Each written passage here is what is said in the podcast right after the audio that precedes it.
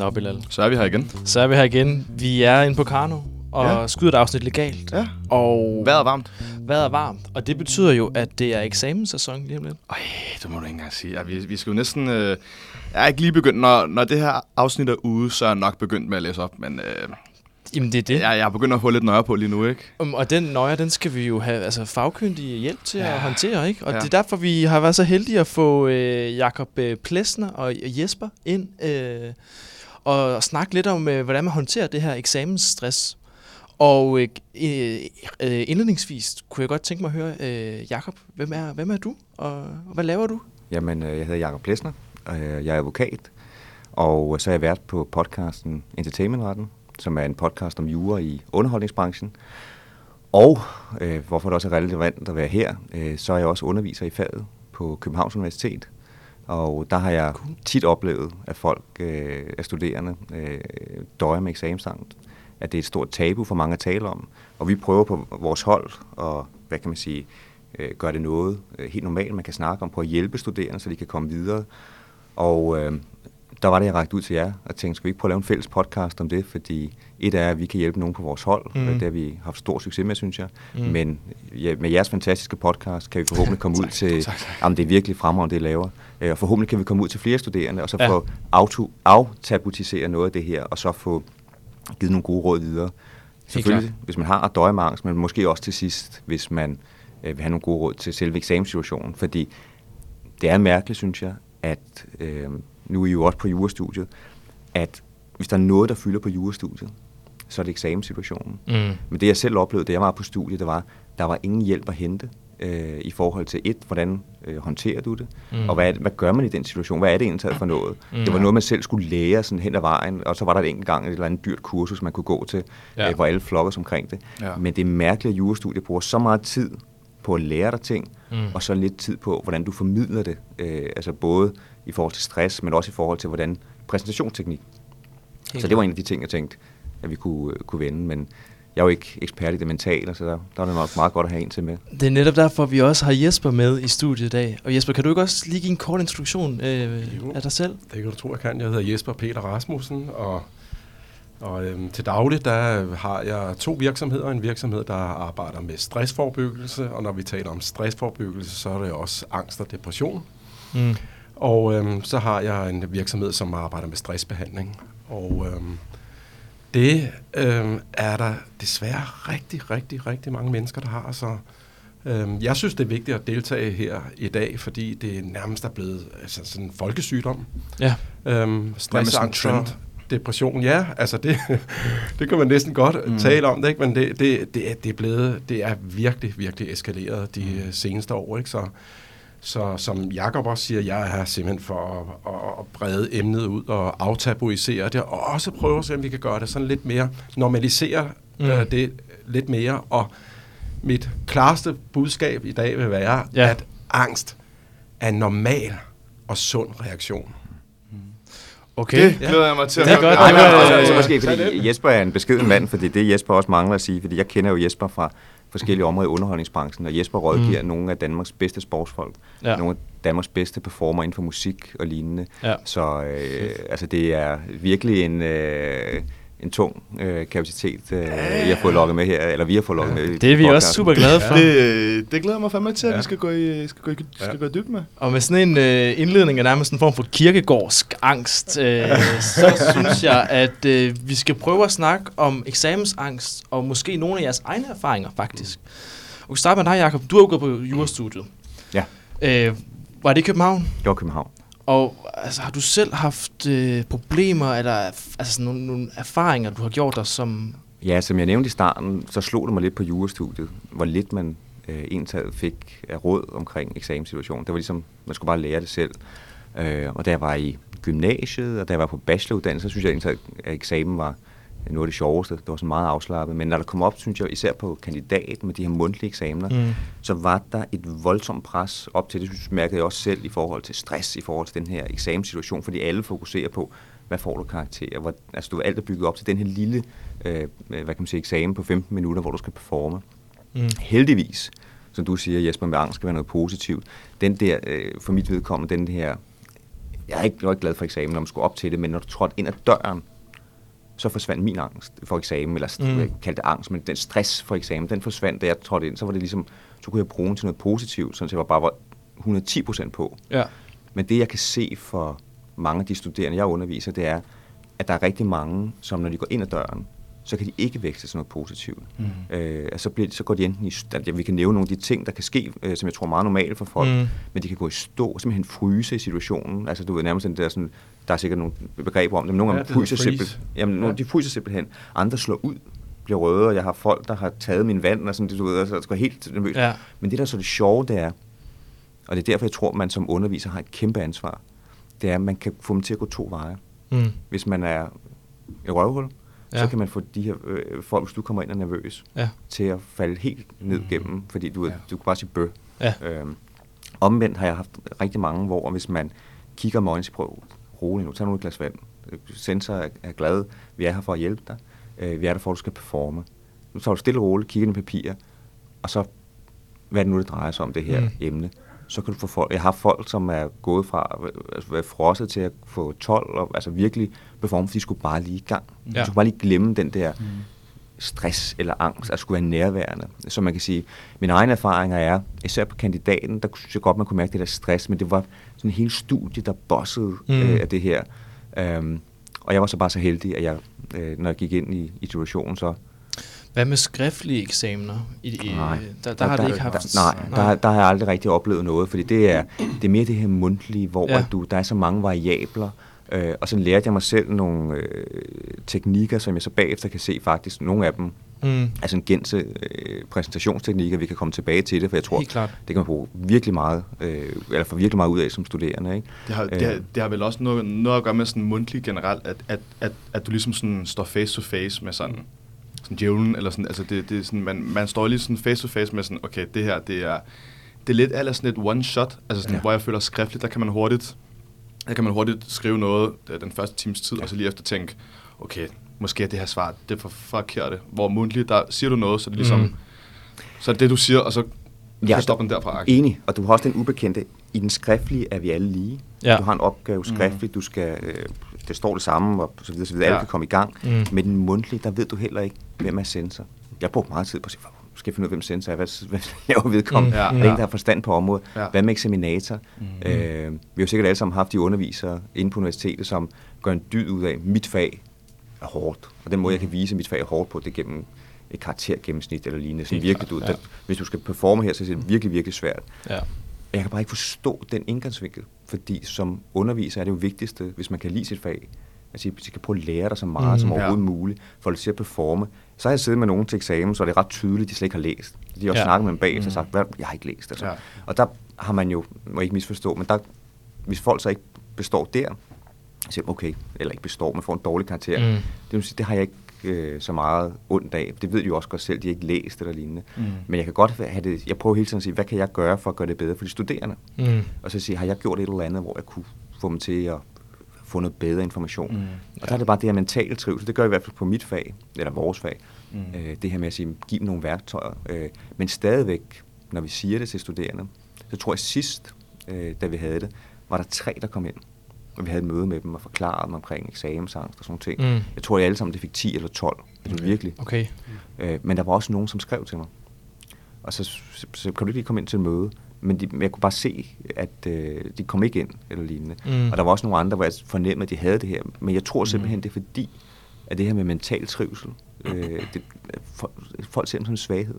Mm. Mm. Hvis du har brækket armen, så går du bare ind og siger, jeg har brækket armen. Ja. Hvis du er nervøs for noget, så "Nå, jeg må ikke sige det, fordi så tror jeg, at, øh, at det tæller ned, eller, eller et eller andet. Det kunne jeg forestille mig. Meget interessant. Det er jo også, det er jo også en, en eller anden form for, altså det er jo et, det er jo et u, usynligt handicap, ikke?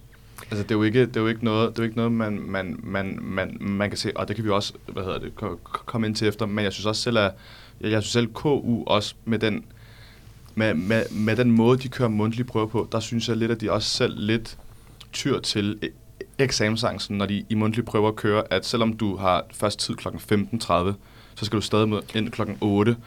Og der sidder du jo bare, altså det kunne jeg selv huske, at jeg havde en af de sene tider til vores øh, familieafret, Og folk kom jo bare øh, altså sådan grædende ud, og så jeg sad bare, ah, men altså det her, altså Det jo- hvis, hvis, hvis, der er 10 andre, der, der kom grædende ud, så bliver jeg jo den nummer 11. Altså, Helt det, enig. Altså, hvor jeg sådan lidt, Jeg, jeg, jeg, vil, jeg vil betegne det som en dødsgang. 100. Altså, fordi du Ja, ja. sidder derude, vi gør så meget ud af enten, så kan man jo snakke med folk, og øh, hvad kan man sige, så må de se, hvornår de skal ind, og lige om Mhm. de ikke kan gå rundt og la- lave noget andet, indtil de skal ind. Og ellers gå ud og snakke med folk i pausen, så prøv at rolig nu. Jeg ved Ja. godt, du kommer ind, og du er den sidste, der skal op. En af dem her, der skulle op sidst, tror jeg, skulle op allersidst og havde eksamensangst. Mm. Øh, men klarede det så godt. Så må man gå ud og snakke med folk, der er ikke noget, der er ikke noget farligt i det. Ja. Du har det dårligt lige nu, og lignende, men altså prøv at høre, du, kan, øh, du skal nok komme igennem det, og tage det nu roligt. Tag det nu roligt. Hvad er det værste, der kan ske? Ikke? Vi skal nok, og så, så, du ved, men det kræver altså også noget, synes jeg, for underviserne, fra KU's side også måske, Mhm. mm-hmm. til ligesom at prøve at sige, kan man ikke gøre noget for Ja. at give et bedre miljø til det? Ikke? Mhm. Jeg er helt enig. Jeg Man kan sige, det, det, er jo, det er jo helt katastrofalt, når du, ja. når, du, når du nævner det her, fordi noget af det, som vi jo ved, ligesom, vi ved jo godt, at glæde, det smitter, ikke? Mm, altså, præcis. Men det gør angst også. det er jo snibboldeffekten, ikke? Ja, altså, så hvis der- det er, det, det er via vores centralnervesystemer, så spreder Mm, mm, mm, mm, rent præcis. faktisk. Ikke? Så hvis man sidder der, og der er sådan en angststemning, altså, Præcis. så bliver man rent faktisk smittet af den, Mm. mm. af den, som gør, at man bliver endnu mere angst. Ikke? Så, Jeg synes lige før vi går videre til øh, ekspertens takes.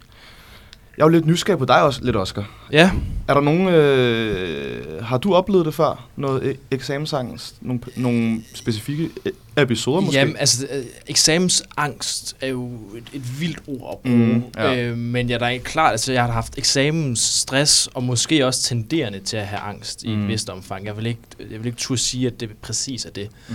Øh, og det, apropos, det var faktisk mere de skriftlige eksamener. Okay. Hvorfor det? Jamen, jeg ved ikke, i de mundtlige, der føler jeg mig, mig, mig langt mere øh, øh, sikker, eller jeg, jeg føler mere, at så, jeg sælger et produkt på en eller anden måde, øh, og der er nogen, der skal, der skal købe det, ikke? og du Ja. ved, der, der, der er ikke så meget rafler om det, 20 minutter, så er du ud igen, ikke? Mm. Øh, men ved det skriftlige, der er det ligesom, det er et felt, jeg kan huske EU-ret, for, for at nævne konkret, Nå, men altså, hvor, Ja. hvor det er så stort, og du skal bare kunne identificere øh, en grænseovergang, og det er det her problem, og så videre, ikke? Og det var, jeg, det var jeg ret presset over, Mm. hvor det, det er stadig i tvivl om, om jeg havde kapaciteterne til at Mm. kunne, kunne, kunne lave sådan en, en opgave på, på normeret tid, ikke? Øhm, så, så det har da helt klart været noget, der har, der har trykket. Jeg har det også, altså... Jeg, har, jeg, jeg, jeg tror, jeg har det både mundtligt og skriftligt. Ja. Jeg tror mundtligt, det der piner mig mest, hvis, hvis, hvis man har øh, hørt podcasten mange gange, så, øh, så, så hvad hedder, det, stammer jeg jo. Ja, Og det har jo pinet mig røv meget. Nu er der jo så, selvfølgelig heldigvis ikke så mange, øh, hvad kan man sige, mundtlige prøver på, øh, på jura, så det var altid noget. Men altså, det var hele tiden pinet mig. Jeg har altid tænkt, oh, og så også det der med, jeg, jeg, jeg, jeg gider heller ikke at have ekstra tid, fordi det er jo også en del af, hvad kan man sige, det er jo også en del af det virkelige liv, at jeg også skal ud og sådan, mm. det er, jo, det er jo ikke noget, som ligesom bare fjerner sig, fordi jeg får fem minutter mere. okay. Men, men, men det har sgu pinet mig meget, det der med, at jeg ligesom går ind og tænker, der kan godt være nogle tidspunkter, hvor jeg lige, pludselig bare går i stå. Mm. Øh, og, og, og det kan jo godt for en sensor og en, en lærer sådan, øh, ligne, at det er en, der ikke har styr på det. Så jeg er Ja. altid god til lige at sige til dem sådan, hey, jeg stammer, så det er ikke fordi, at når jeg ligesom bare står, altså går i stå, så er det fordi, at jeg ikke øh, ved, hvad, hvad, hvad jeg skal sige. Det er bare fordi, at når jeg går i stå, så går jeg i stå, ikke? Men det er jo, synes jeg, en fremragende pointe, fordi noget af det, jeg øh, siger til de studerende også, hvis de har det her, så sig det. Mm. For så kan jeg sige til, Præcis, til sensor, præcis. enten bagefter eller undervejs, Præcis. så sige, prøv at høre, det her det var ikke fordi vedkommende ikke kunne det eller lignende. Mm. Det er simpelthen fordi vedkommende øh, har noget, øh, hvad kan man sige, nervøsitet ja. i forhold til Mm. eksamenssituationen og lignende. Det er helt okay. Mm. Øh, og øh, så det var simpelthen ikke, fordi de var i tvivl. Det var simpelthen bare Nej. fordi, at øh, Præcis. du ved, så, så det, er hvad er der farligt i at sige det? Ja, altså, det præcis. nej. Og igen, aftabuisere det og sige Mm, det. Der er jo ikke noget galt ved, at man stammer. Nej, Altså, nej, nej, mener- nej, præcis. Og så, Så, Og så tror jeg bare generelt, altså den, jeg, jeg, jeg, jeg tror, jeg har, nu er det så blevet lidt bedre, men, men jeg har helt klart gennem studietiden øh, døjet med noget, øh, med noget angst, og også, også fordi nu har jeg også stået med det, altså førhen, både noget angst og noget øh, stress, depression, så, så, så det er ligesom også gået videre, og mm. det bliver jo ikke, hvad kan man sige, det bliver jo ikke bedre, når man kommer til et studie som, som, som, som jura, ikke? Nej, Øhm, hvor der skal leveres, så der er fart på. Præcis, og, og jeg tror, at den kommer meget af, ja, den, den, den kommer me- meget af den der med, at man synes, den kommer fra, fra mit ved, ved, vedkommende meget, det der med, at jeg ikke vil være dårlig til noget, eller sådan, jeg, mm. jeg vil Mhm. gerne kunne præstere så godt, og der tror jeg bare, bare, man bliver nødt til lige, og det får vi nok også at vide af, af de expert lige om lidt, at, sådan, at, man, ja. at man bliver nødt til sådan, at bare sige til sig selv sådan, altså det, det, det, det er sgu ikke alt, du kan få 10 og 12 i, og, og det var også en del af, tak. hvad kan man sige, jurastudiet, og, og, og, og jeg tror meget den der, jeg, jeg, jeg tror, nu er jeg begyndt at gå meget ind i eksamensperioden med at sige sådan, hvad er det værste, der, der kan ske? Og meget hurtigt prøve at tale op i sådan en, mm. altså arbejdsløsheden inden for jorden er jo ikke en skid. Ja, Altså, så, så, så du kan jo reelt set, jeg vil næsten gå så langt at sige, du kan næsten klare dig ekstremt dårligt, og alligevel komme ud og få et, altså, ja selvfølgelig kan man få det. et godt stykke arbejde. Og, og, og, og det er det, jeg synes, der er fedt ved det, at, at du ligesom kan bruge nogle positive ting til det, at sige, okay, du skal nok få et arbejde, og øh, karakter er ikke øh, øh, øh, det vigtigste. Og, og det er jo noget, som man lærer jo, altså det, i vores første to semester, der sad vi også bare hele tiden og tænkte Ja. ja. tal. Og tænkte, nu, nu skal jeg have 12, nu skal jeg have 10. Også fordi Ja. ja. man kommer jo fra et, netop fra gymnasietiden. Og Ja. sådan. Nu har man været vant til de, til de gode to cifre, ikke? Helt klart. Øh, hvor man så skal til jura ligesom... Øh, Og så, så kan man jo spørge sådan et par gavede øh, folk som os, ikke? Og, og så kan I jo høre også, hvor tit har I brugt jeres eksamensbeviser? ja, og Ja. hvor tit har I faktisk Jeg har brugt det. Jeg kan huske, jeg har brugt det en gang. Ej, men Ja, lige sige altså, altså, til alle, den stil, ikke? præcis, Altså, til ja. alle jurastuderende derude. Ja. Når du først har fået jobbet, så ligesom når der åbner sig en ny Ja. verden, fordi så er du inde i systemet, Ja. og så er det din performance derinde. Jeg har folk, som har haft helt vildt gode karakterer, Mm. som måske ikke har performet særlig godt, når de kommer ind. Og så har jeg haft folk, øh, som jeg har arbejdet med som fuldmægtige, hvor de er kommet ind med ikke de specielt gode gennemsnit, og de gik mere op i, at de skulle ud og feste og, og lignende. Mm. Mm. Og lige pludselig, så er det gået op for dem. Prøv at høre, det er det vildeste, jeg kom ind til. Det er det mest spændende område. Mm. Mm. Så de er blevet partnere, de er blevet højt på strå alle de steder, ja. hvis de ved det. Så Mm. man kan sige, det andet, som du siger, hvad er det værste, der kan ske? Mm. Hvordan kan det være, at hvis man siger til en studerende, du får syv, Mm. Så for mange er det ligesom, siger, ej, ligesom, Ja. du, du har fået en tredje højeste karakter. Ja, og det, det er Øh, faktisk... hvad, er det, altså, det, hvad, det, er, hvad er det for et miljø, vi skaber ind på det studie? Helt Ikke? enig. Men, men, men det har vel også noget, altså fordi nu, nu siger du det der med, at nu har man fået det første, eller når, når man har fået det første studiejob, så er man ligesom inde i varmemagtig. Men jeg tror, jeg, jeg tror netop stressen kommer fra, du starter på jura til det første studiejob. Nå, men jeg, jeg noget- kan også godt selv mærke på mig selv, at efter jeg fik det første studiejob, så var jeg sådan lidt, Jamen, pust ud og sådan noget der, ikke? Jeg taler ikke studiejob, jeg taler det Nå. første job. Nå, okay, det første Altså, job, ja. I skal virkelig forstå, at når I kommer ind, selvfølgelig betyder karakteren noget. Mm. Mm. Især hvis du går ind og siger, nu skal jeg ind på nogle af de helt store advokatkontorer Mm. og lignende. Ja. Der er selvfølgelig nogle øh, forventninger og lignende. Mm. Mm. Men jeg har set folk, med, som, hvis karakteren ikke har været særlig godt, som Ja. stadigvæk har fået virkelig, virkelig gode jobs, som de gerne vil have. Mhm. Mm-hmm. Det er ikke et problem. Altså, du kan sige, din karakter siger noget om, hvor dygtig du er på studiet. Der kan du gøre det lettere for dig selv ved at komme ind, øh, hvad kan man sige, nogle steder. Ja. Men du kan alle få jobs, alle får gode jobs, og hvis Mm. du brænder for det, du laver, Mm. så skal du nok øh, klare det rigtig øh, godt. Ja. Øhm, altså, så det er, og bagefter, altså, så er det meget sjældent, altså, at man kigger på karakteren, når du først er Karaktererne kommet kommer ind. til at fylde mindre og mindre, jo flere Præcis. jobs du får, for ja. så bliver det mere din erfaring, der kommer mm. til at tage over, og din mm. presence og så videre, og så videre ikke? så Anbefalinger. Ikke? Men det leder mig lidt ind til et spørgsmål, Jesper, fordi hvorfor tror du, at det er blevet så tabuiseret område, eksamensangst? At, at man ikke sådan, eller, der, eller hvad? Hvor, Ja. hvad Jamen, det er der flere forskellige grunde Ja. ja. til, men det, det, det, det er ikke noget, det er blevet. Det har det sådan set været altid. Okay. Altså, øhm, og, og den vigtigste årsag, det er, at jeg tror, at folk de, øh, forbinder det med svaghed. Altså, Ja. at angst. Øh, men, men man skal tænke på, at det er jo, der er jo ikke noget galt ved at være nervøs eller være usikkerhed. Altså, hvad det modsatte af usikkerhed? Det er skråsikkerhed, ikke? Ja. Der er ikke noget værre, end at være i selskab med nogen, der bare er Nej. skråsikre. Nej. altså, Nej. nej, nej, men det, det, der er ikke noget galt ved at være Ja. usikker. Ja. Øhm, angst er jo sådan set, er der jo heller ikke noget galt med, fordi angst er jo et positivt signal fra din krop til dig om, at der er et eller andet, du frygter, et eller andet, du er bange for, mm. eller et eller andet, der er i ubalance. Helt klart. Ikke? Så kroppen, den reagerer. Det, der bliver problemet omkring angst, det er, når du ikke re- reagerer på den ubalance, der er. Mm. Ikke? Ej, jeg er mega nervøs lige nu, øh, Mm. fordi, øh, ligesom Jakob sagde tidligere, øh, øh, hvordan tager sensor det her, eller hvordan tager eksaminator det her, Ja. ikke? Altså, ja. så tal med nogen om det, og så, øhm, så kommer man frem til den der erkendelse af, at de fleste lærere er trods alt nogen, der er ret menneskelige og søde og rare, og de fleste lærere vil faktisk gerne deres studerende noget godt. Mm. Så kan man begynde at kigge på sådan en eksamenssituation, som man er blandt venner, ligesom vi er her, mm. Mm-hmm. øh, i stedet for at kigge efter fjenderne. Altså, Ja. Fordi det er der, man angsten den opstår. Men, men tror du ikke, altså, jeg føler også bare, at det har, det, det har også meget, meget at gøre med sådan, hvad der kommer fra den anden side, altså netop hvad skolen forventer. Skolen for, for, forventer, at du kan basically hele stoffet på fire timer. Øh, nogle arbejdspladser, de, de forventer Ja. kan, kan vi, altså nu snakker jeg bare fra studerendes ja. øhm, per, Mm. per, per, perspektiv, at der er nogen, hvor man skal skrive snittet ind i, i deres øh, Ja. jobansøgning, hvor man sådan lidt, Mm. det er vel også, altså det går, det går, det går, det, der skal jo to til en tango, ikke? Altså det, jeg, jeg tror, det handler meget om signalet også fra den anden, anden vej, fordi jeg, jeg føler ikke, mine andre venner, der læser på nogle andre studier, at de døjer med så meget angst som, som på, på jura. Mm. Det kan godt være, at det, det kan godt være, at der er en, en, en lidt mere angst på jura, men jeg, jeg, jeg vil sige, jeg ser det altså overalt. Mm. Okay. Det er, men, men det, der er vigtigt her, det er at sige, at det er et samfundsproblem. Mhm. Mm-hmm. Det er ikke Ja. jeres problem som mm. individer. Det er hele samfundet. Det er en bølge. Den bølge, vi kører på nu, er en bølge, der startede øhm, efter finanskrisen. Det er altså en del år siden efterhånden. Ikke? Det er vi tilbage i 2007-2008, Ja. hvor, man, hvor man skulle skære altså ind til benet, og virksomheder, der gerne ville du, øh, øhm, lave 5% på øh, toplinjen og skære 5% på bundlinjen, Ja. og bliver ved og bliver ved med at effektivisere osv. osv. Og vi skal løbe hurtigere, hurtigere, hurtigere. Mm. I dag er det, det er super vigtigt, at vi ser det som et, det er ikke kun jeres skole, Mm. det er et samfundsproblem. Det er et Mm. problem, vi har i hele samfundet, og det tager noget af presset væk fra den enkelte, hvis vi tør at tale om det. At, Okay, det, ja. at det, det ligger i samfundet. Det er jo, der, der, der er jo, vi er jo i en tid, hvor der er, der har aldrig været flere mennesker, der har stresset, har været stresset, Ja, mm. herunder angst og depression. Mm.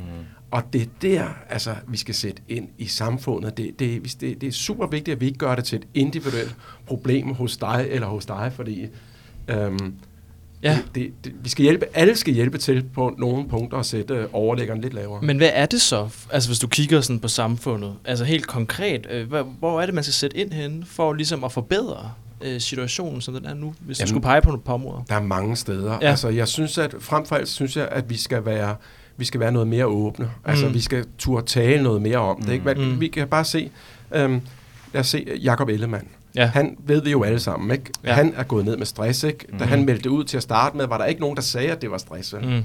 Okay, det var helt åbenlyst, at det var det.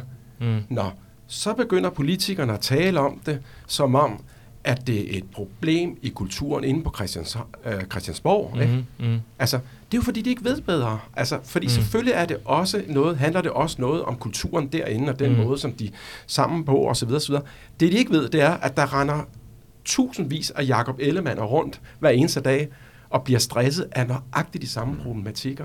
Mm. Så vi skal, på en måde er det jo, meget, det, er det jo godt, når det sker for nogen, at de kendte folk, og de tør gå ud altså, og fortælle om det, så det bliver auto, eller aftabuiseret, det bliver sådan lidt mere normaliseret. Ikke? Men vi har jo alle sammen et ansvar så netop også for at, hvad kan man sige, at tale det, altså tale det op og anerkende det, fordi du kan se Mikkel Hansen, også kendte musiker, som Ja, ja, med det også. Ja. Hvis man også går ind og ser, det er aldrig øh, noget, man kan anbefale, men hvis man går ind og kigger på de her sociale medier, Twitter, Facebook eller andet, Jakob Ellemann for eksempel, Mm.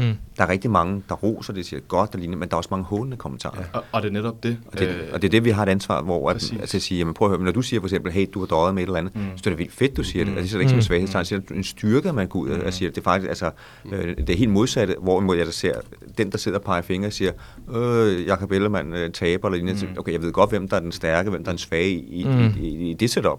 Ja. Øh, så man kan sige, så det, det er jo noget, jeg tror, vi alle sammen har et ansvar for at ligesom sige, fedt, det er da godt, du gør det stærkt. Men, Mm. Jeg, jeg, jeg, jeg, jeg coacher en, Ja. jeg coacher flere, som jeg også sagde, flere sådan kendte mennesker, og en af de mennesker her var ude for nylig og fortælle, at øh, han havde en kæmpe mental øh, udfordring. Ikke? Mm. Og første gang jeg mødte ham, det første jeg sagde til ham, det er, tak. Tak, fordi du sagde det. Fordi du bliver et forbillede for så mange unge mennesker, Mm. mm. og jeg, som har det ligesom dig. Og så siger han, ved du hvad Jesper, anede jeg ikke, altså da jeg gjorde det. Jeg gjorde det, fordi jeg synes, jeg var nødt til det. Mm. Og jeg gjorde det, fordi jeg troede, jeg var den eneste, der havde det sådan. Jeg troede, Mm. jeg var at blive syg og mærkelig og alt muligt andet. Og det han opdagede, det var, at hans sociale medier, de blev væltet af unge mennesker, der sagde tak, fordi at han havde meldt det ud, og de var, sagde det jo også, fordi de selv havde det sådan. Og, og, og jeg tror sådan generelt, det har noget at gøre med, at man i godsøjen gør det, det, det mange synes, der er det unormale til det normale. Ja. For jeg læste tidligere i dag, øh, inden vi skød det her, at 15-20% døjer med eksamensangst. Og det, det, det kan jeg ikke få, få mig til at hænge op. Altså, eller, altså, det, det giver ikke nogen mening. Det, altså, alle på en eller anden måde døjer med det.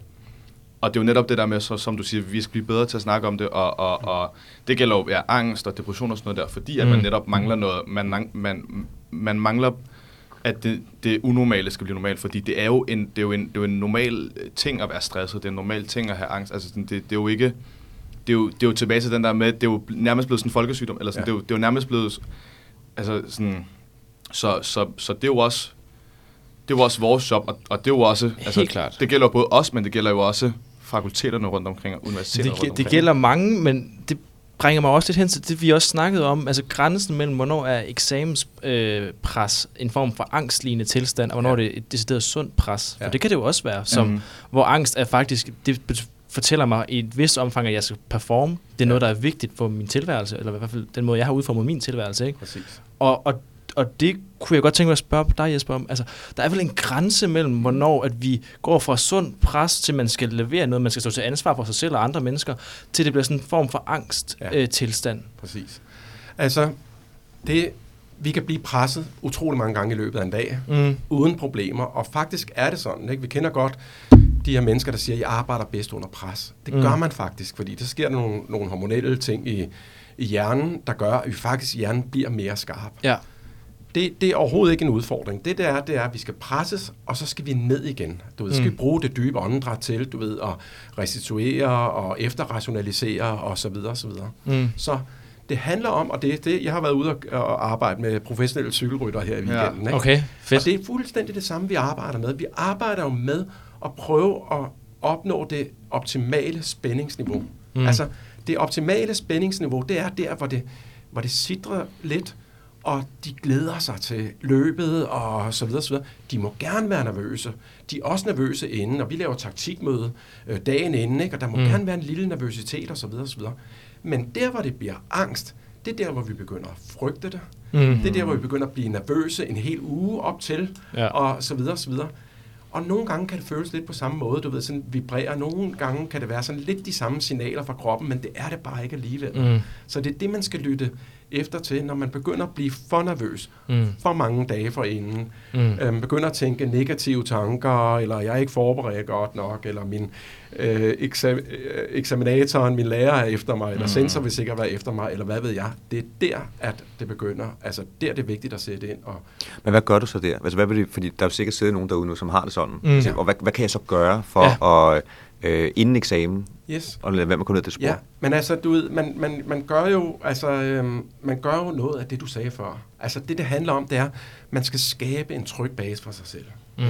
Tryg base ved, altså, det dybe åndedræt, det kan dæmpe stort set al angst. Fordi det regulerer centralnervesystemet, så altid husk at trække vejret dybt, når angsten den begynder.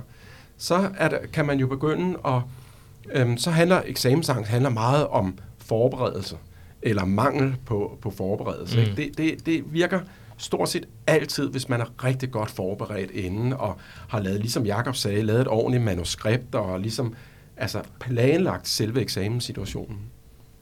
Så hjælper det at tale øh, med folk om det, men det er jo super vigtigt, at man kan tale angst op, mm. så det bliver værre. Man kan også tale angst ned. Ja. Ikke? Altså, vi taler angst op, hvis vi hele tiden taler om dem. Så blev jeg angst af det, og du siger, så, jeg blev angst af det, og så videre. Så videre. Mm, Mm, mm. ja, man kan præcis. stimulere hinandens angst. Ikke? Mm. Altså, Præcis. men at tage angst ned, ikke, det handler om at sige, okay, hvad kan du gøre, for at det her det bliver en god situation, og Mm. mm. husker du nu at trække vejret, og Mm. mm. har du forberedt dig ordentligt, og har du lavet dit manuskript, og alle de der ting der, så, så Præcis. del det med nogle andre, altså nogle dage inden, og det er fantastisk at dele det med andre, fordi alle kender det. Mm. Men, altså. men, men der, altså det er også tilbage til det der med, at det kan jo også gå opad, og jeg har i hvert fald o- oplevet mange gange, at når jeg også nogle gange snakker sammen med folk, at de sådan lidt, um, altså na- vi nærmest sådan stresser hinanden endnu mere, mere, mere op, fordi så har jeg lige hørt, at vedkommende læste op for tre uger siden, og ja. den, anden, eller den tredje ja. Ja. læste op for fire uger siden, og Mm. mm. den sidste øh, forstår ikke, hvad, øh, øh, hvad et udlæg er. Altså, der, der, vi, Ja. vi, vi, vi går næ- nærmest sådan i, i sådan højere højere toneagtigt. I burde, altså man skulle lave sådan nogle, nogle communities, ikke? Altså, hvor vi taler med en om, anden om det, og så siger man, hey, hvordan kan jeg, altså, hvordan kan jeg støtte dig i det her? Mm. Kan jeg gøre noget, Mm. du ved, ikke? Altså, øhm, for at hjælpe dig i den her situation, ikke? Fordi hver gang man giver noget, så kommer der jo ofte noget tilbage til Ja. en selv en anden gang, ikke? Altså, Og det du siger, Bella, jeg tror, jeg kan godt genkende de diskussioner fra studiet, Ja. hvor man altså stressede hinanden op. Mm. Øh, men der er også nogle af de ting, man kan gøre i en podcast som den her, hvor man så kan sige, okay, hvad er det, man, man skal gøre? For det første, den der angst for selve situationen, mm. det som vi snakker om, det er ikke farligt. Altså lave nogle vejrtrækningsøvelser, fokusere på det, og så kan vi komme lige ind på måske også, hvad kan man gøre sådan rent praktisk med forberedelsen. Ja. Øh, fordi det, det tror jeg også er vigtigt. Altså når man så eksekverer, vil have en helt klar plan på, hvad gør man? Øh, det hjælper altså også øh, tusind gange, tror jeg, på sådan en angst, når man kommer derind. Jeg har set masser af eksempler på, hvad man ikke skal gøre, men også hvad der virker. Jamen, Jacob, hvilke tekst har du egentlig? Altså, fordi du har jo du har studeret fem år. Ja. Du har måske også oplevet eksamensangsten. Altså, øh, altså hvad, hvad, hvad, hvad, er dit, hvad er dit bedste råd? Til eksamenssang? Ja. Jamen man kan sige, inden, altså jeg gør jo også, altså uanset om du er til studie eller lignende, så er man jo Mm. inde i sådan et performance-miljø. Så jeg gør selv sådan noget meget med at meditere for eksempel. Okay. Det var indtil for nogle år tilbage, så var det Mm. Uha, det, er, det kan du ikke gøre, hvis du er advokat, så kan du ikke sidde og meditere. Ja. Det er blevet Mm. meget, tror jeg nu, normalt i hvert fald, jeg ved over hos os, jeg arbejder i Goresen, øh, der er det noget, HR snakker en del om. Det er simpelthen bare, det gør jeg hver dag, fordi Mm. jeg, jeg træner også meget sport, men øh, jeg træner også øh, mentalt, så jeg bliver nødt til at være skarp. Mm. Meditere, få ro på og lignende øh, vejrtrækningsøvelser. Øh, det er du altså også nødt til, tror jeg, hvis du har sådan en performancearbejde, ligesom Mm. mm. eksamen er, for hele tiden at sikre, at du ikke render ud over kanten, ikke? Øh, og hele tiden har balance. Ja. Øh, men det er ligesom inden, altså det jeg nok er bedst til, fordi Jesper er bedst til det inden, øh, det er Mm. måske det med, øh, hvis vi vil høre noget om det inde i selve lokalet, hvad Helt man kan klart, gøre. ja. Øhm, for det første, det som du sagde, Oscar, det her med at øve det inden, det skal være lidt sjovt. Jeg ved ikke, hvor mange der gør det, men det bedste råd, man kan gøre, det er, når det er en mundtlig eksamen, simpelthen lade som om, at det er et skuespil. Mm. At når du kommer ind ad døren, så kender sensor dig ikke. Eksaminator kender dig kun for undervisningen. Mm. Øh, det er et skuespil. Altså det kan være, at du kan også 10% af stoffet. Du kan Mm. stadig få 12, hvis du fortæller det på en rigtig måde. Mm. Øh, for det er, det, er, det, er, det er et skuespil. Mm. Øh, så det jeg plejer at gøre, og det gør jeg også, når jeg skal i retten, eller ud og holde et stort foredrag, Ja. så øver jeg det inden. Det gør to ting. For det første, så ved jeg, jeg, så jeg taler simpelthen højt, går ind i et tomt lokale. Øh, det skal helst være tomt, for ellers så kan folk tro, man er lidt halvtosset. øh, så går man ind der og lader som om, at man lige fra du kommer ind, giver hånden Mm. øh, og, forklarer, at jeg har trukket det her emne, jeg vil gerne Mm. fortælle om sådan og sådan og sådan. Øh, så øver man det, for det gør også det, udover at du føler dig lidt tryg i situationen, du kører lidt på automatpilot, Mm.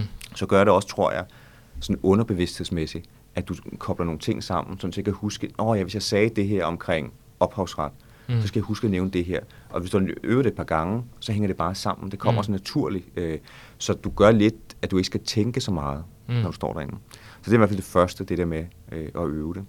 Så er det også godt at, øh, hvad kan man sige, øh, lave en plan for Mm. de emner, man øh, øh, kommer op i, afhængig om det er, typisk ved man jo godt sådan nogenlunde, hvad det er for et emne, man kommer op i.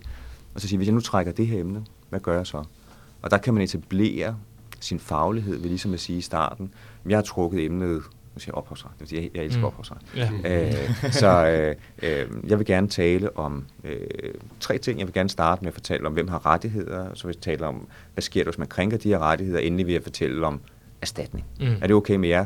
Sensor aner ikke noget omkring det her, så de vil sige ja til nærmest hvad som helst. Øh, eksaminator vil synes, det er dejligt, der kommer nogen ind, som ligesom har en plan, for så skal man, ellers så sidder man som eksaminator, og så skal øh, følge sin egen rundown øh, Mm. og, øh, og lignende, så det er kun dejligt. Og så laver du nærmest også ubevidst en aftale med eksaminator og sensor. Hvis du følger det, Mm. så er det svært at blive sur på dig bagefter. Fordi øh, vi har jo snakket om det, du sagde, du ville gøre. Mm. Så skulle de have sagt noget Ja. øh, til det. Ikke? Og selvfølgelig vil man så stille spørgsmål undervejs, hvis man fornemmer, at det er at du er usikker på andre ting. Mm. Men, men, men det er en god måde. Så øv sig, lav en plan, etablere din faglighed med de her ting. Og så for alt i verden, lad være med, men det gælder jo også almindelige præsentationer. Lad være med at tro, at man skal kunne hele... Altså, du nævnte det i starten ja. Med, med pensum, Mm. at øh, man skal komme ind og sige, nu er der pensum A til Z, Mm. og så taler man sådan her, nu skal du høre her, vi skal tale om opholdsret, så skal vi tale om erstatningsnu, så skal vi tale om det og det, og så går vi over til paragraf 3, der står det faktisk sådan, så hvis jeg taler sådan, det er meget lidt overbevisende. Mm. Så hvis du putter rigtig meget faglighed ind der, det samme, du står og holder en præsentation, og jeg står bare og Ja, snakker. så begynder du at kigge på din iPhone, og I begynder at sidde og kigge ud af vinduet, mm. for det er ikke spændende. Så tal langsomt. Kig folk i øjnene. Og så øh, skal jeg nok, det- eksaminator vil altid spørge, hvis der er et eller andet, der mangler, sige, hvad med paragraf, det er det. Mm. Så kommer du ind på det. Mm. Men tal langt, det er meget mere overbevisende, og for at give nogle gode eksempler, give nogle gode domme. Sensor aner typisk ikke noget om det her område. Mm. Så det er sådan set mere, fortæl dem historie for øjenkontakt, vær nærværende.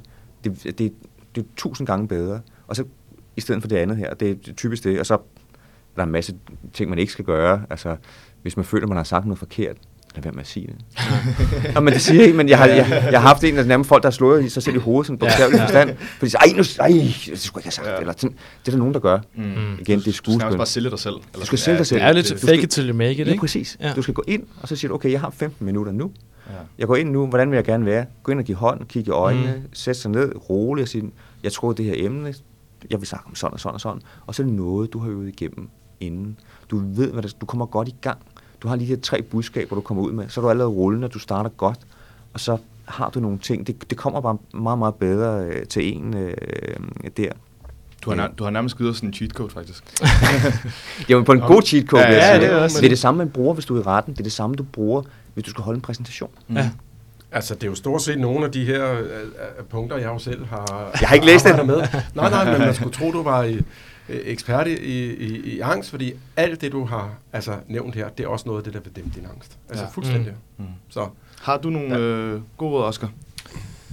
Øh, jeg har... Du er også lidt ekspert, er du ikke det? Ej, det er, det er jeg ikke. Altså, jeg, har, altså, jeg må være ærlig og indrømme, at den form for angst, jeg har haft, mm. har været mangel på forberedelse. Altså, så, så man kan i et vis omfang også kalde den selvforskyldt. Ja. Øh, fordi at, at det har været sådan noget, ah, jeg startede øh, fem dage for Mhm. sent, eller et eller andet, Ja. ikke? og så skal man, du ved, catch up, og har man nu styr på det, ikke? Og du ved, der er bare nogle, altså nu, altså nu går vi jo også kun på fjerde semester, ikke? Ja. Så der, der, altså det der med at blive kastet ud i et helt nyt retsfelt, og kan man nu øh, finde ud af Mm. det og til eksamen? Altså, øh, jeg vil sige, at jeg har virkelig haft nogle eksamener, hvor jeg er gået op til dem og tænkt, det, du, det er lige før, jeg er klar kottet, Mm. mm. men hvor det faktisk er gået helt fint. Øh, Så jeg har ikke oplevet det der kollaps endnu, Nej. selvom jeg troede, at det ville Mm. komme, uanset hvad jeg gjorde. Mm.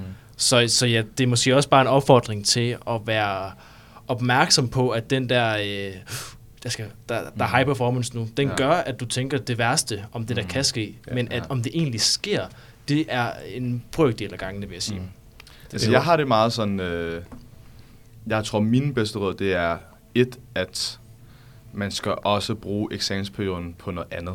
Altså, det kan godt blive nogle, øh, blive nogle dystre timer at sidde øh, 10-20 øh, inde på KUA og tærpe mm. Noget pensum igennem. Altså, Mm. hvis dine venner spørger klokken 16, lad os lige tage ud og spise, så tag for helvede ud og spise. Altså, mm. Mm. du ved, tror jeg, ikke, at, jeg tror ikke, at din karakter går fra 7 til 10, lige når du tager den ene med dig. Nej. Øhm, og så tror jeg, jeg kører meget på en, øh, på en dom, alle ligesom øh, kender den der ske, hvad der vil dom.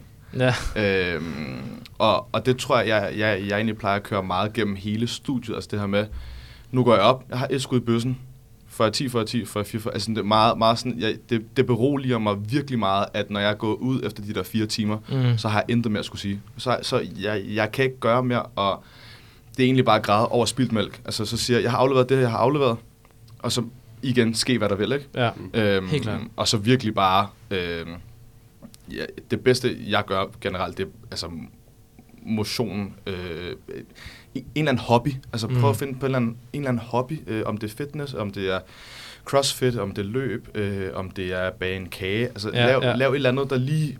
Generelt bare lav et eller andet, der lige får Afkoblet. Ja, Ja. fordi det, du lærer næsten mere af, at du lige får et par timer, hvor du lige...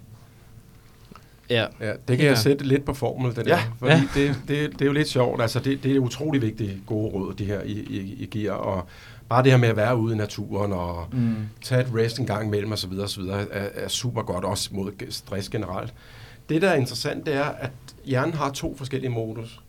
Det ene, det er fokuseret, altså det fokuserede tænkning, og det er Mm. det, man bruger, når man, når man læser op til eksamen. Og det er jo selvfølgelig utrolig vigtigt. Og der kan man have fokus sådan cirka. Altså det er lidt, eksperterne siger det lidt forskelligt, men måske tre kvarter. Mm. Mm. Tre kvarters aktiv læsning, så skal du have et kvarters pause. Okay. Mm. Ja.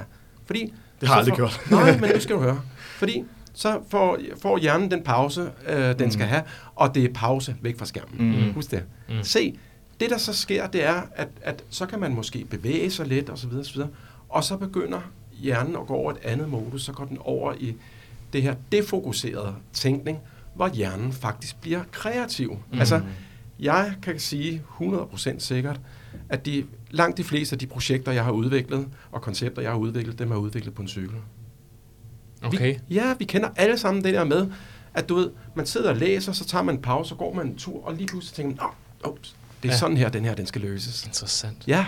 Ja. Og det er det der med, at nogle gange at komme op i metaperspektiv, ikke? Ja. Sådan, så man, hvor man får overblik og så videre, og så videre. Så der er faktisk rigtig meget at hente, og det kan man også sige til sådan en som Jakob, når han arbejder. Mm. Mm. Det her med, brug den fokuserede tænkning, cirka tre kvarter, hold et kvarters pause, så går hjernen i gang med en anden form for tænkning. tænkning. Og det er mega, mega effektivt.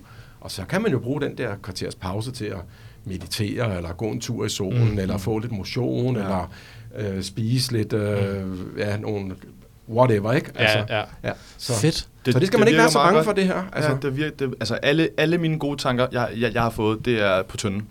ja, okay. Ja. Det, jeg, jeg, valgte, jeg, jeg valgte, da, da jeg, det, det var sådan, så, som jeg valgte, at jeg, at jeg skulle læse jura. Det var, jeg, jeg, jeg sad på Tønsvarslet. Ja. Det skal måske egentlig faktisk være jura. Ja. Fantastisk. Så nu er jeg her, ikke? Perfekt. Så skulle du prøve at cykle, så får du motion samtidig med.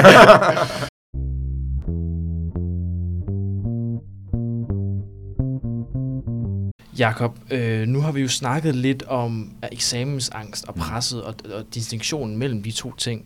Jeg kunne godt tænke dig mig at spørge om, om du som underviser øh, har bemærket, at det har været en stigende tendens de seneste par år, eller hvordan tendensen i, i øvrigt har været blandt studerende i forhold, i forhold til eksamensangst.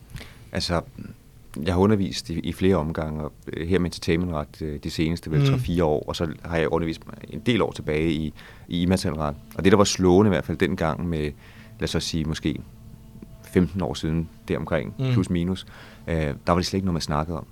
Ja, der var det helt, altså, Okay. okay. så det, det var helt svært at måle, fordi folk snakkede slet ikke om det, øh, og jeg kunne se folk til eksamenslokalet gå, altså helt i, i panik eller, øh, eller lignende. Så der, jeg kunne i hvert fald godt se, at det var der. Ja. Det her synes jeg kan se de, de seneste par år, men det er også noget, og Jesper, der må du jo øh, bidrage fra, fra samfundet, det er, at øh, stigende måske, ja, Mhm. men jeg tror også, det er fordi, der er kommet mere fokus på det, så på den positive Mm. mm. note, øh, så er det det her med, jeg vil jo nok ikke for, det er noget, jeg har begyndt for 3-4 år sige, nu skal vi tale om eksamen, nu skal vi tale om det. Mm. Øh, det er måske også en tendens i tiden, det her med, at man snakker omkring de her ting. Mm. Altså man får det ud med Mikkel Hansen og andre, der er ude og fortælle omkring det, og siger, okay, nu snakker vi også om den her eksamenssituation. Mm. Mm. Så jeg fornemmer en åbenhed omkring det, men jeg kan simpelthen ikke sige, om det er stigende, eller det er fordi folk bare tager snak med om det, men vi kan jo se i samfundet, hvor mange, mm. som, altså det er øh, også top performance folk, som er ude og, øh, og tale om det her. Det kan selvfølgelig også godt være, fordi at der er kommet pres på generelt. Øh, Men, men er, det, Ja. ja. er, er det fordi, altså er det fordi, vi generelt lever i en eller anden form for en performancekultur, eller sådan, hvor, hvorfor, er, er, er der et egentligt svar til, hvorfor ja. at den er stigende? Det Eller- er der, men, og svaret er meget komplek, komplekst, ikke? Men Ja. ja. altså, øhm, vi, det var jo en helt, altså, da vi læste sin tid, det var en helt anden tid, ikke? Altså, Mm. mm. der var jo ikke sociale medier på samme Nej. måde, for eksempel, vel? Altså, øhm, sociale medier spiller en utrolig stor rolle, ikke? Øhm, I dag er der jo et, et, et, et, et begreb, der hedder 12-talspigekulturen, ikke? Mm. Altså, som i, og, og det er jo sådan, at der, der er jo... Jeg kender ikke lige de specifikke tal på, på eksamensangst. Jeg ved ikke, om de ligger der, men jeg kender dem på stress og mental trivsel osv. osv. Mm. Der kan jeg bare sige, at 34 procent af kvinder i alderen 16-24 år har, jeg havde i 2021, lav altså mental trivsel. Mm. Og det er dobbelt, altså det er dobbelt op i forhold til, det lå omkring 16 procent i 2010. Tal, ja, det er voldsomme tal, Mm. og de er endnu højere for unge piger i gymnasiet. Altså, der ligger det, der, det er, øh, hvis du kigger på stress og unge piger i gymnasiet, så Mm. mm. er det omkring, jeg mener det er op omkring 70 procent af unge piger i gymnasiet, der føler sig stressede. Altså, og herunder også, at, at ligger angst jo også, ikke? Mm. Så, så, øhm, så, så, så, altså det, så det er stigende. Altså det er et ret øh, voldsomt øh, problem, og det skyldes mange, det skyldes både præstationssamfundet, øh, øh, samfundet, ikke? og det er jo, øh, skal man også huske, eksamensangst, det er jo sådan en form for præstationsangst, ikke? Altså, Mm. øhm, så øhm, ja, altså det er en, det er en stigende tendens øh, øh, over det hele, ikke? Så ja. Okay, interessant. Mm. Øhm, noget af det, jeg øh, tænker en del over, når, når vi har den her samtale om den stigende tendens, det er jo, altså, nu snakker vi performancekultur, vi snakker øh, digitale medier osv., og hvis du kombinerer det, nu snakker, vi, nu snakker jeg konkret ud fra, fra jurastudiet, ikke? men man vil også gerne ud og have et, øh, et, et lækkert job bagefter, og, og man, man, man har nogle, nogle forventninger til sig selv, Mm. Altså får du sådan lidt en springfarlig cocktail, der ligesom gør, at hvis jeg så ikke fik den karakter til den eksamen, eller hvis ikke det går snor lige efter ja. den plan, jamen, jamen så, så bryder hele verden sammen. Mm. Og, hvis du så tager det udefra og kigger Mm. på selve den eksamen, eller den karakter, man har fået, eller Præcis. hvordan det var ledes, altså hvor- hvor, hvor bagatelagtigt det i virkeligheden er. Ja. Og det er jo, det er jo, som Jakob også siger, ikke? Altså, er der blevet mere, eller taler vi mere om det? Ikke? Altså, vi er blevet Mm. mere oplyste, vi er meget mere opmærksomme på øh, vores egne og andres behov, og Mm. går meget mere op i, hvad andre får af karakterer osv. Mm. Det er jo ikke, jeg plejer at sige det her med, ikke? Altså, vi vil gerne være, altså, vi vil gerne klare vores studie godt, ikke? Mm. Vi vil også gerne være en god medstuderende, ikke? Og vi vil Mm. gerne være gode venner, ikke? Ja. Og, og, øhm, og når vi Gode så kommer hjem, og gode familiemedlemmer, Det ikke? og så skal ja. vi jo lige huske, at vi jo skal spise sundt, Ja. og vi skal også motionere, Ja. Yes. og, øhm, og vi skal huske at holde pauser, Ja, og, og vi vil også gerne have en kæreste, ikke? Og Ja. så skal vi ikke ud, og vi skal være gode kærester, så skal vi også være en god øh, sexpartner, ikke? Ja, ja, og være kultiveret. Og, ja, og det og en ene og det andet. Ja, og ved I hvad? Der er beretninger om øh, unge kvinder, der fortæller, at når de så går i byen om fredagen, ikke, så står de der, at de vil egentlig hellere være hjemme, altså Mm. mm. og slappe af og så videre og så videre. Men så synes de også, at de skal gå ud i byen til et 12-tal. altså, mm. jamen, det altså, ja, altså, jeg smiler også lidt, når jeg Mm, siger det ja, her, ja, ikke? ja. fordi det er jo egentlig, det er jo fuldstændig vanvittigt, ikke? Tænk sig, at man lever sådan en kultur, hvor man synes, man skal det hele, hele Mm, tiden. mm. Selv gå i byen til, til et 12-tal, ikke? Det vil Mm. sige, du skal ud og være social, og du skal være ude til klokken 4 om morgenen, Mm. og alt muligt andet, når man i virkeligheden mest har brug for at slappe af og Ja. restituere, Ja, ikke? det er så rigtigt, det der. Ja, altså, Ja. så det, det, Tankevækkende. Det, det, jamen, det er det, og der, der, det er et langt, langt, langt større Ja. ja. pres, I lever under, end vi levede under, da vi læste, fordi vi, vi, øh, vi havde fandme dårligt nok en mobiltelefon, ikke? Altså, jeg mener, jamen det, Ja, ja, ja, altså nu kan I jo se, nu, bliver man, nu kan man jo se på, på de sociale medier, hvor der er fester, og hvad man skal Ja. leve op til, og det Ja. ene og det andet og det tredje, ikke? Så, så øhm, Jamen, det er jo helt vanvittigt. Det er helt vanvittigt, det ja. og, og, og, og det er også, ja, det er jo netop noget, der ligesom vil vække en tanke i, altså hos os, der, der netop altså, sidder og, og nu skal vi jo til at læse, læ, læse op til eksamen og sådan noget der. Altså mm. alle, alle de her faktorer, der er med til at gøre det, men også alle de fa- faktorer, der er med til at, til at, at, at, at, sådan at døje med det, ikke? Mm. Øh, fordi så, som, som, som sagt tidligere, tror jeg, jeg tror fandme næsten alle døjer med en eller anden form for noget, i hvert fald noget en performance-angst, ikke? Altså ja. fordi alle, det ligger jo i naturen, at alle gerne vil gøre sit bedste, tænker jeg. Ja. Jo, jo. Det gør det, og, og øhm, selvfølgelig vil vi gerne det, men det, det, det, det er jo også bare utroligt vigtigt at gøre det bedste inden for de rammer, vi har. Ikke? Mm. Mm. Altså, øhm, det er jo ikke, hvis jeg ikke har forberedt mig, hvis jeg ikke har haft energi og overskud til at forberede mig øh, ret meget, så er det jo måske også lige lovligt højt at sætte øh, målsætning efter for 10 eller 12. Ikke? Mm. Mm. Altså, så, så er det jo også indimellem vigtigt, at vi øh, siger, okay, men her der har min indsats været, ja, okay, syv er måske fint, ikke? Altså, Helt enig. øhm, Helt og enig. det, kunne- det kunne jeg godt tænke mig noget Ja. ja. mere af, at du ved, der blev overensstemmelse mellem mål og midler, ikke? Så vi ikke skal have 12 alle, eller synes, vi Helt skal have 12 klart. alle sammen. Ikke? Ja, og også at vil jeg sige sådan det der med at anerkende, at der er nogle grundvilkår i livet, og det Mm. ikke er en dans på roser hele tiden. Altså, Ja. nogle gange så har du det bare helvede til. Så har du, er, du, er du pisse nervøs over at skulle til en familiefrokost et eller andet sted. Mm, Eller, ja. du ved, du, det kan være alt muligt, ikke? Altså, ja, det er i hvert fald det- en del og af det- mennesket, ikke? Ja, Jo. præcis. Og det at være menneske, det, mm. Altså, det er ups and downs, og, og det er det bare. Og det er ligegyldigt, om du er 40-50 år, og det kører for dig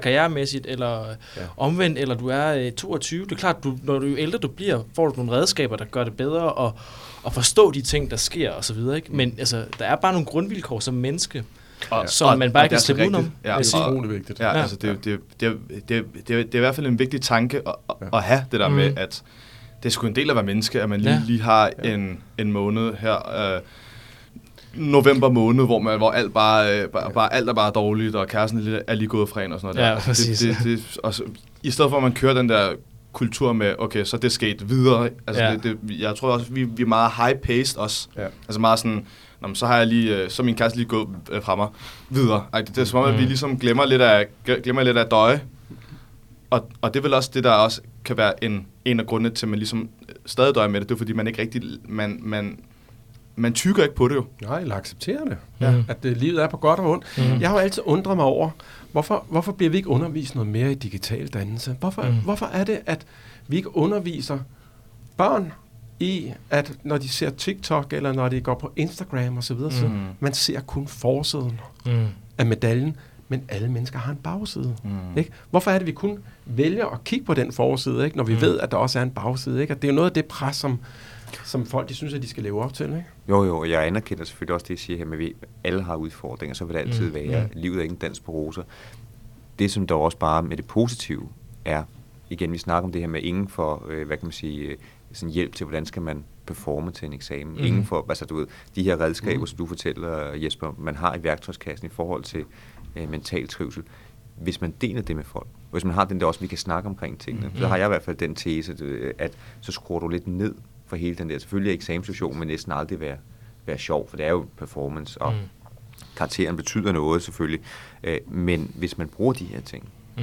og tager det til sig, så tror jeg, man kan skrue ned, sådan så det ikke bliver, som du sagde, det, der, det bliver frygt, men så bliver det sådan at sige, det sunde pres, som I, øh, I nævnte i starten, det her, Mm. hvor er grænsen med det, så tror jeg, at du kan tune den, sådan Mm. mm. så du kommer derhen. Og det gode er, at det bliver ikke noget, du, altså, det kommer af sig selv, tror jeg, hvis det er, at du bare bruger de her ting, så skal du ikke tænke så meget over det, så skal det nok øh, gå, så vil man opleve, tror jeg, at øh, det er i hvert fald det, vi kan gøre Mm. mm. herinde, når vi snakker om det, skaber det der lidt trygge rum øh, øh, inde på, på vores fag, at så oplever vi ikke det her, i hvert fald meget sjældent, at, øh, hvad kan man sige, at Mm. folk er sådan helt derude, hvor at, øh, det ikke er sjovt, ikke? Og som studerende, der kan, det I kan gøre som studerende, mm. altså, det er at, øhm, at tale sammen om, at det, der er andet i livet end uh, 10-tal og 12-tal, og, Mhm. og, altså, øh, og husk at gøre nogle af de ting, som, som du nævnte før med, at øh, det er også dejligt at komme lidt ud og Mhm. øh, i byen en gang imellem, og nyde naturen og så videre, så videre ikke? At, øh, ja. Vi kunne blive ved i, Ja. øh, Ja, ja. i, i Det kunne vi. tusind Det kunne år, vi. Og, og, og jeg tror fandme også, der er mange, øh, mange af dem, som, som, som, som lytter med, som, som lige nu, mens de lytter, sidder og måske lige, lige hop, hovedet lige væk fra, fra, fra bogen, som også sidder og tænker, fuck, og hvad hvis jeg nu klarer det sådan her, sådan her, sådan her. Mm. Og I er jo kommet med nogle gode pointer, og Ja. jeg, jeg, jeg tror, det bedste råd fra, fra os alle, tror jeg, det, det er måske mere den der med, føl, altså, føl hjertet, ikke? Eller sådan, prøv at, prøv at gøre det på din egen måde, og så, du har jo fem år øh, på, hvad hedder studie, øh, på studiet, så man skal egentlig bare øh, sådan langsomt prøve at finde øh, de måder, man ligesom øh, får det bedste ud af det.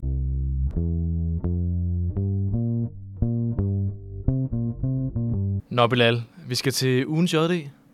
Og ugens JD i dag, Det er noget, vi har glædet os til. det er det. Det er en af de helt store arrangementer, der plejer at være øh, hos JD hvert år. Ja, og den har fået et lidt, lidt spice, et lille Ja, twist. ja, ja. Altså, der er sket noget nytænkning. Ja. Det er blevet kreativt. Vi har øh, Stefan med fra JD's bestyrelse. Velkommen, Stefan. Jo, tak, dreng. Tak skal I have. Øh, hvad er din rolle i JD lige, øh, lige først og fremmest?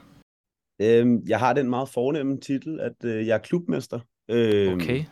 Så det betyder, at jeg arrangerer de sådan store fester. Øh, Ja. Det vil sige semesterstartsfesterne, sommerfesten øh, og årsfesten, ikke mindst. Og øh, du vil gerne sælge et event, tænker jeg. Ja, det, man kan sige, jeg ved ikke, hvor meget jeg behøver at sælge, jeg udsolgt øhm, men jo, jeg vil gerne fortælle lidt om sommerfesten, øhm, fordi der er jo en del at fortælle om. Øhm, så det er måske meget godt ligesom at høre, hvad der egentlig kommer til at ske. Ja. Øhm, vi har øh, planlagt noget, altså som du siger, et stort twist øh, og lidt anderledes fest, end vi plejer. Øhm, og vi lægger ud med ligesom at være ved plænen øh, ude ved Cuba hvor, vi, hvor jeg lidt håber, at, at der kommer en hel masse, og man kan få nogle fadøl, og man kan få nogle drinks, så man kan bare sidde på plænen og snakke med dem, man har lyst til, og øh, der vil være nogle forskellige lege, øh, Det kilder de rigtige steder. nogle forskellige turneringer, øh, sådan så vi ligesom får lidt den der sammenhold, der måske godt kunne mangle lidt på fakultetet på en eller anden måde, øh, og sådan så man ligesom sammen kan gå på sommerferie, ikke? Øh, så det er planen der, og så øh, kommer der jo altså stort set alle partybusser i hele Danmark øh, kommer forbi og, øh, og henter os. Øh, og det vil være sådan nogle åbne partybusser primært, øh, sådan så vi ligesom får lidt den der studenterkørsel-vibe, Ja. Fedt, øh, som kunne være mega fed, ikke? Og så må vi håbe, vejret bare nogenlunde til det, fordi at, så er det virkelig magisk at køre rundt ind i København og bare hoppe og råbe og være lidt nogle idioter, ikke? Det er meget sjovt. Det kan jeg godt forstå. Og så til sidst, så skal vi være på Søpavillonen, øh, hvor Emil Lange kommer og lukker og slukker. Oh, ah, men altså, du, det, det, Det er jo godt nok en opskrift. Altså, det er en toller i øh, festudvikling, det der, vil jeg sige. Hvor øh, kan man stadig tilmelde sig egentlig? Altså, øh, lige nu arbejder vi på at få nogle flere billetter, øh, men vi har allerede nu solgt 600 billetter. Øh, så det er lidt begrænset. Jeg, jeg vil sige, at jeg tør bestemt ikke love noget, at der kommer noget efter tilmelding. Øh, men der er en venteliste, som man kan gå ind og hoppe på, og så vil man så blive, øh, få en billet, hvis der er nogen, der afmelder sig. Okay. Øh, men, men i forhold til det der anden salg, der kan jeg ikke helt love, at det kommer til at ske. Nej, øh, ellers må man på, på det sorte marked simpelthen og, og give overpris. Yes. Jamen, øh, vi glæder os, og vi regner sgu med, at øh, vi, lige, øh, vi lige ser dig derovre øh, øh, give den gas, ikke? Det skal I nok regne med. Bare roligt. fedt, nok fedt, fedt, fedt. Og, og vi lover også, mig og Oscar, vi også er der. Som altid, jeg representer JD arrangementer. Ja. Jeg har lidt problemer i forhold til nogle billetter, der ikke rigtig kommer frem.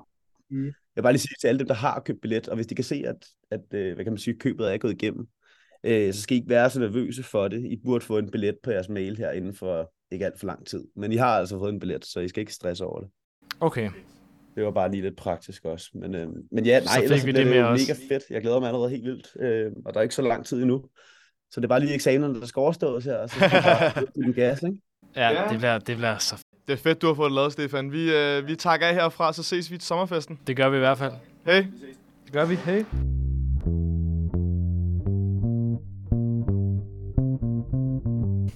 Yes, så er vi jo videre til, til brevkassen. Det er vi. Øhm, vi har det første spørgsmål fra en, øh, fra en ung gut. Øh, han skriver ligeledes. Øh, kræver det en særlig god hukommelse at læse jura, eller handler det øh, egentlig mere om at være god til noter? Måske særlig relevant til, til dig, Jacob? Ah, altså jeg vil sige, jeg har ikke, det, det er godt at have en god øh, hukommelse.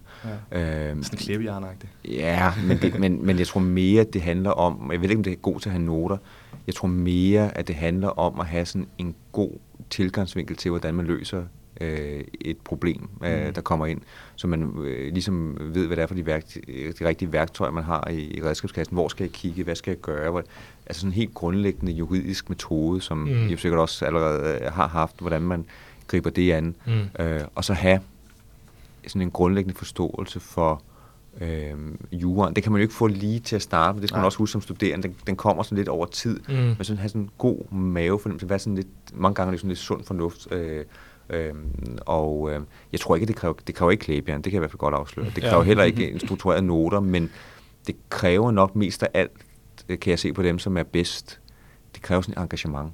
Mm. At man, altså man kan lide sit område. Jeg læser for eksempel det, jeg, jeg læser altid, hvad der kommer af nyheder øh, på mit område. Mm. Øh, ikke sådan en nyhedsbrev, som hvis der kommer en ny dom, så er der ja. kommet en dom om nogle sportsreklamer, ja. ja. den skal jeg lige kunne. Mm. Der kommer en dom om sådan sådan.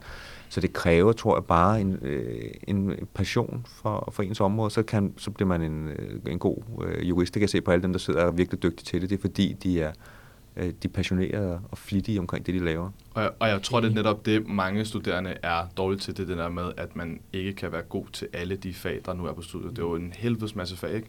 Øhm, så, så som du selv siger, hvis man kan lide ting så kreativt ret, ja. så er det alt andet lige klart, der er bedre, end mm. hvis, du ikke så, uh, hvis du så ikke kan lide forvaltningsret. Altså det, det er mere det der med, at du, når du kan lide noget, så automatisk vil du gerne gøre det lidt bedre, ikke? Det er spot on. Altså, og, ja. og der tror jeg netop, der er mange, der er sådan lidt den der, jamen, jeg, jeg vil både få 12 i erstatning og kontrakt, men jeg vil også godt få 12 i forfatningsret, som er to, altså helt sådan, to forskellige mm. poler, ikke? Altså, man, man, man skal lidt sådan prøve at vinkle sig.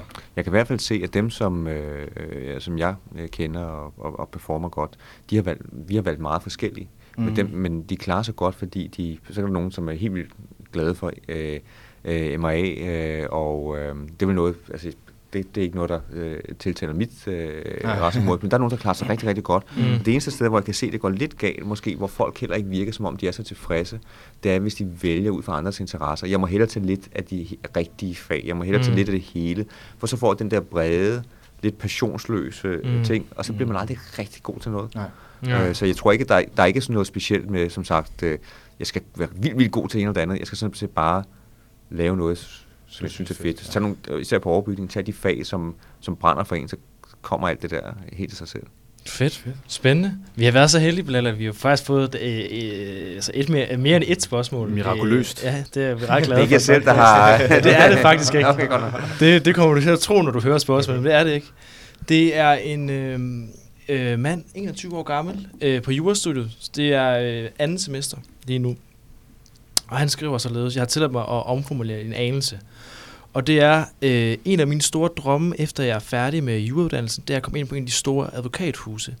Men jeg er super bange for, at jeg kommer til at arbejde mig selv ned på grund af øh, presset, men, men især også på grund af, øh, man hører de her skrækhistorier, og nu ikke for at skyde skarpt mod dig, Jakob, men især Gorisen, ikke? at man, man, på. at man simpelthen arbejder altså 60, 70, 80 timer, især hvis man har en ambition om at blive partner eller et eller andet, ikke?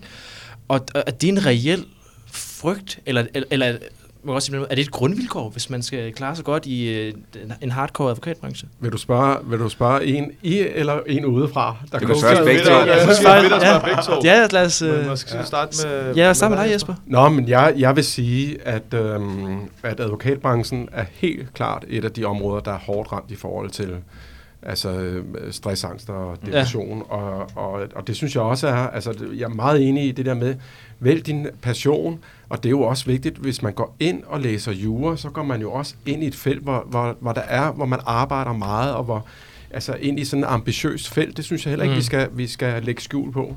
Mm. Mm. Øhm, øh, jeg set udefra, jeg coacher jo i mange, mange forskellige øh, brancher, og der vil jeg sige, at advokatbranchen er helt klart i, i top, hvad angår øh, øh, ambitionsniveau og antal af timer osv. ja, ja. osv. Ja, helt sikkert. Okay. Jeg sige, det handler meget om arbejdskultur.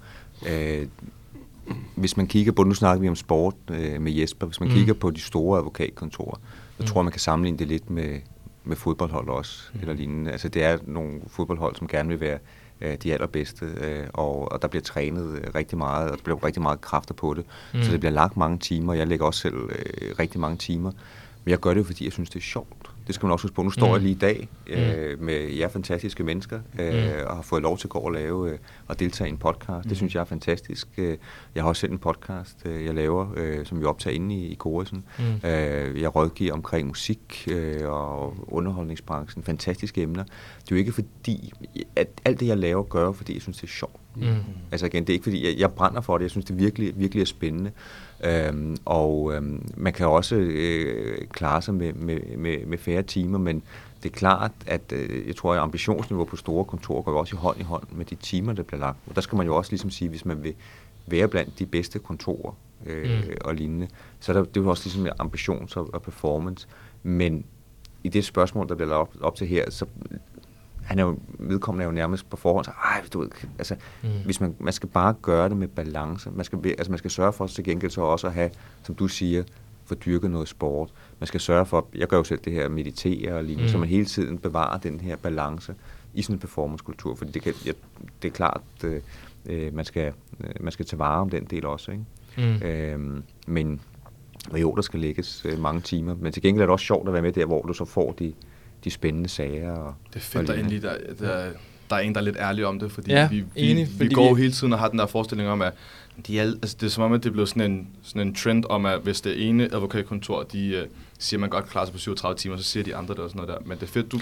Nå, men der, du skal ikke misforstå, fordi Nej, der, nej, der, nej, der, der, der er jo ordninger, hvad Ja, kan man ja, sige. Der er jo, 100. altså, der, Mm. Man kan sagtens også øh, ligge Ja, på arbejds- 37 timer, mm. så der er forskellige ordninger. Men Mm. nu var det det her lagt op til at sige, Mm. Øh, hvad kan man, sige, man vil gerne performe, man vil gerne, Mm. og der, der skal der øh, også Men det lægges fedt, siger det. Jeg synes, Men, det- men det behøver bare ikke være, det er vigtigt, fordi mange gange bliver det sagt som om, at det er noget dårligt.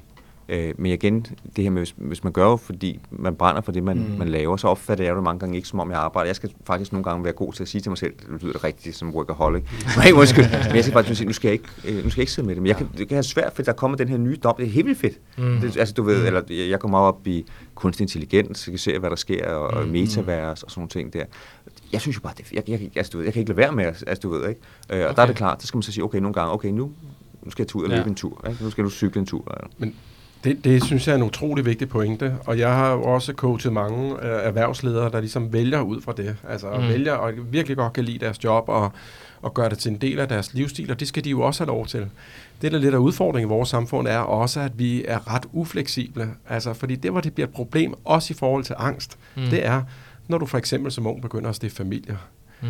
Øhm, det bliver et problem, hvis du øh, arbejder så meget, så du ikke ser dine venner mere, og så videre, og så videre. Ikke? Altså, at, at, at det hele det begynder at dreje om drejer sig om arbejde, eller for mine sportsudøvere, jeg arbejder sammen med, at det hele det handler om sport osv. Mm. osv. Altså, det er, når vi kommer i ubalance, at problematikkerne de opstår. Der er ikke noget galt ved at være ambitiøs eller arbejde meget i sig selv, men det kan have en slagside, hvis ikke man passer på, ikke? Helt klart. Og der kunne jeg også tænke mig at spørge, Jacob, altså, du, som det lyder, altså for dig også nu, ikke? altså den der work-life balance, faktisk nu, nu er udgangspunktet selvfølgelig lige Goresen, fordi det er der, din arbejdsplads den er. Øh, Det kunne sagtens have været et andet kontor, ikke? Øhm, altså, der, der er dit indtryk, at man, man sagtens vil øh, altså, kunne balancere work-life balance, og i øvrigt er jeg meget opmærksom på, at det er et altså, grundvilkår for en god medarbejder, at han kan balancere work-life. Helt sikkert. Altså, og det kommer selvfølgelig meget an på, jeg kan jo kun tale for, for det, jeg selv kender, Ja. at det er noget, man lægger vægt på. Øh, Det er noget, jeg selv siger til mange af dem, jeg arbejder sammen med, øh, at de skal øh, være meget opmærksom på. Og så er det jo også, jo højere op du kommer i systemet, så er det jo også ens ansvar. Det siger jeg mange gange til, til dem, som laver sager øh, for mig, Mm. at øh, der kan altid være kommet en sag ind, så man skal være færdig til dagen efter. Sådan er det jo nogle gange, hvis der lige Mm. pludselig opstår et eller andet. Men som udgangspunkt er det jo mig, som har været dårlig til at delegere, hvis der er en medarbejder, der skal sidde klokken øh, 10 om aftenen øh, Mm. og lave et eller andet. Fordi vi kan strukturere os ud af meget øh, ting, ved simpelthen bare at være gode til at planlægge, snakke sammen, Mm. øh, og, øh, og så få den der øh, balance. Så det, øh, jeg tror, at man kan sagtens have en, en god balance. Det må endelig ikke misforstå. Altså, Nej, store nej, nej. advokatkontor er ikke, fordi man siger, der kan jo slet ikke have nogen balance. Tværtimod, det er sjovt, det er spændende.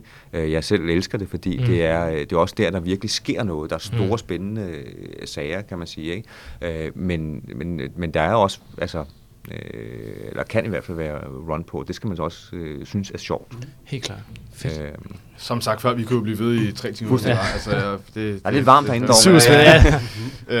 Øh, jeg håber, at dem, der lytter til det, mens de læser op til eksamen, kan, kan bruge de her rigtig, rigtig gode pointer. Og vi Helt takker enig. tusind, Ja, tusind tak fordi at, øh, I har lyst til at deltage. for, øh, altså, det, Det er fandme nogle, tak. øh, Vi siger tak, fordi vi måtte være med. præcis. det er fandme nogle øh, fede pointer, og, og vi læser på et studie, hvor at det er jo præget Ja, af det er, en, det er en eliteuddannelse i Ja. den forstand med, hvad Ja. der skal præsteres. Det skal man også lige have i baghovedet. Og er om ikke det andet må vi, og håber vi Præcis. på, at vi kan kunne bidrage med noget konkret øh, Ja. krisehåndtering, øh, styring måske Ja.